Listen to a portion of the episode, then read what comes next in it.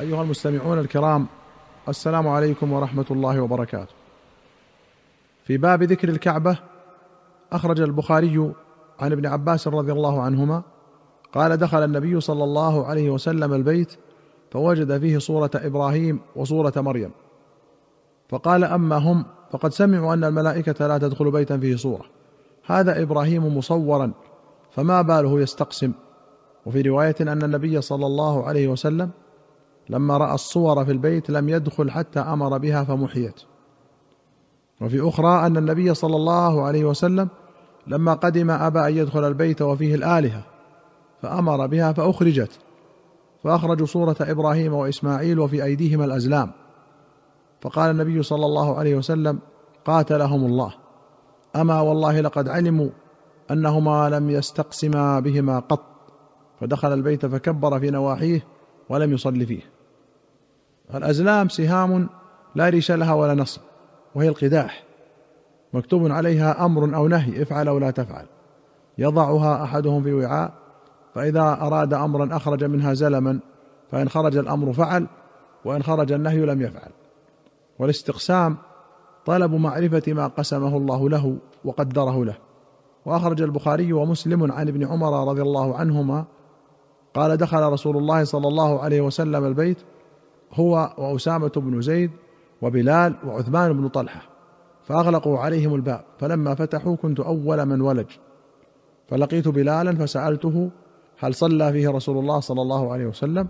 قال نعم بين العمودين اليمانيين وفي رواية المقدمين فذهب عني أن أسأله كم صلى. وفي أخرى قال فسألت بلالا حين خرج ما صنع النبي صلى الله عليه وسلم؟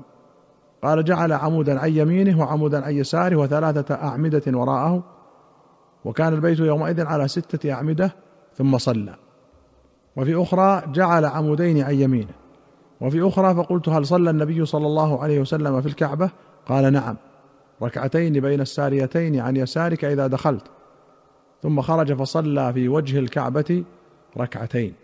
وفي أخرى قال أقبل النبي صلى الله عليه وسلم عام الفتح وهو مردف أسامة على القصواء ومعه بلال وعثمان حتى أناخ عند البيت. ثم قال لعثمان ائتنا بالمفتاح. فجاءه بالمفتاح.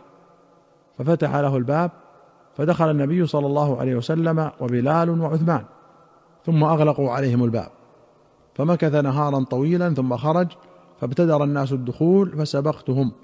فوجدت بلالا قائما من وراء الباب. فقلت له أين صلى النبي صلى الله عليه وسلم؟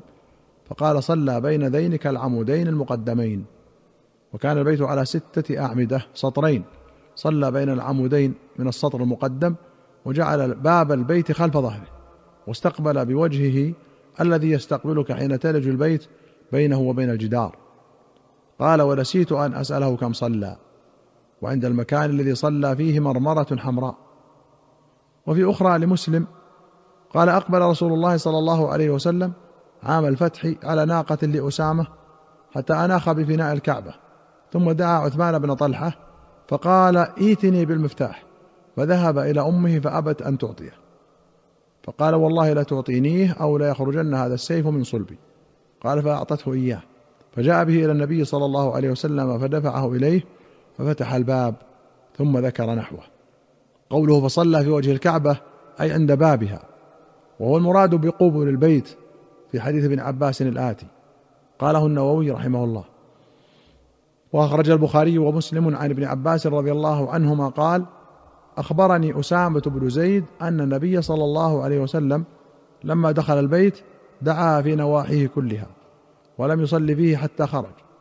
فلما خرج ركع في قبول البيت ركعتين وقال هذه القبلة.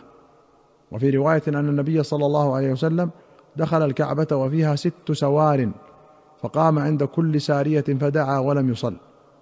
وأخرج البخاري عن نافع قال كان ابن عمر إذا دخل الكعبة مشى قبل وجهه حين يدخل ويجعل الباب قبل ظهره ويمشي حتى يكون بينه وبين الجدار الذي قبل وجهه قريب من ثلاث أذرع. فيصلي يتوخى المكان الذي أخبره بلال أن رسول الله صلى الله عليه وسلم صلى فيه. قال وليس على أحد بأس أن يصلي في أي نواحي البيت شاء وأخرج البخاري عن ابن عباس رضي الله عنهما قال أول ما اتخذت النساء المنطق من قبل أم إسماعيل اتخذت منطقا أي حزاما تشده على وسطها لتعفي أثرها على سارة ثم جاء بها إبراهيم وبابنها إسماعيل وهي ترضعه حتى وضعهما عند البيت عند دوحة فوق زمزم في أعلى المسجد وليس بمكة يومئذ أحد وليس بها ماء فوضعهما هناك ووضع عندهما جرابا فيه تمر وسقاء فيه ماء. ثم قف إبراهيم منطلقا فتبعته أم إسماعيل. فقالت يا إبراهيم أين تذهب؟ وتتركنا بهذا الوادي الذي ليس فيه أنيس ولا شيء. فقالت له ذلك مرارا وجعل لا يلتفت إليها. فقالت له آه الله أمرك بهذا؟ قال نعم. قالت اذا لا يضيعنا.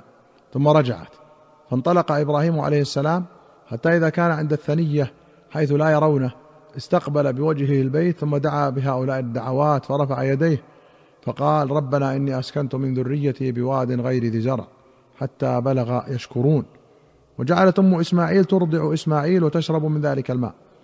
حتى إذا نفد ما في السقاء عطشت وعطش ابنها وجعلت تنظر إليه يتلوى أو قال يتلبط. فانطلقت كراهية أن تنظر إليه.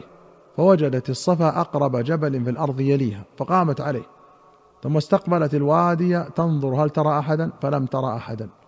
فهبطت من الصفا حتى إذا بلغت الوادي رفعت طرف درعها ثم سعت سعي الإنسان المجهود حتى جاوزت الوادي ثم أتت المروة فقامت عليها فنظرت هل ترى أحدا؟ فلم ترى أحدا ففعلت ذلك سبع مرات.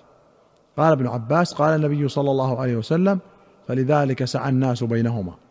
فلما أشرفت على المروة سمعت صوتا فقالت صه تريد نفسها. ثم تسمعت فسمعت أيضا. فقالت قد أسمعت إن كان عندك غواث فإذا هي بالملك عند موضع زمزم فبحث بعقبه أو قال بجناحه حتى ظهر الماء فجعلت تحوضه وتقول بيدها هكذا وجعلت تغرف من الماء في سقائها وهو يفور بعدما تغرف وفي رواية بقدر ما تغرف قال ابن عباس قال النبي صلى الله عليه وسلم يرحم الله أم إسماعيل لو ترك زمزم أو قال لو لم تغرف من الماء لكانت زمزم عينا معينا. وفي رواية لو تركته كان الماء ظاهرا. قال فشربت وأرضعت ولدها. فقال لها الملك لا تخاف الضيعة فإن ها هنا بيت الله يبنيه هذا الغلام وابوه وإن الله لا يضيع أهله. وكان البيت مرتفعا من الأرض كالرابية تأتيه السيول فتأخذ عن يمينه وشماله. فكانت كذلك حتى مرت بهم رفقة من جرهم أو أهل بيت من جرهم. مقبلين من طريق كداء فنزلوا في أسفل مكة فرأوا طائرا عائفا فقالوا إن هذا الطائر ليدور على ماء لعهدنا بهذا الوادي وما فيه ماء فأرسلوا جريا أو جريين أي رسولا أو رسولين فإذا هم بالماء فرجعوا فأخبروهم فأقبلوا وأم إسماعيل عند الماء فقالوا أتأذنين لنا أن ننزل عندك؟ قالت نعم ولكن لا حق لكم في الماء. قالوا نعم. قال ابن عباس قال النبي صلى الله عليه وسلم فألفى ذلك أم إسماعيل وهي تحب الأنس فنزلوا وأرسلوا إلى أهليهم فنزلوا معهم. حتى إذا كان بها أهل أبيات منهم وشب الغلام وتعلم العربية منهم وأنفسهم وأعجبهم حين شب فلما أدرك زوجوه امرأة منهم. وماتت أم إسماعيل فجاء إبراهيم بعدما تزوج إسماعيل يطالع تركته فلم يجد إسماعيل. عليهما وعلى نبينا الصلاة والسلام.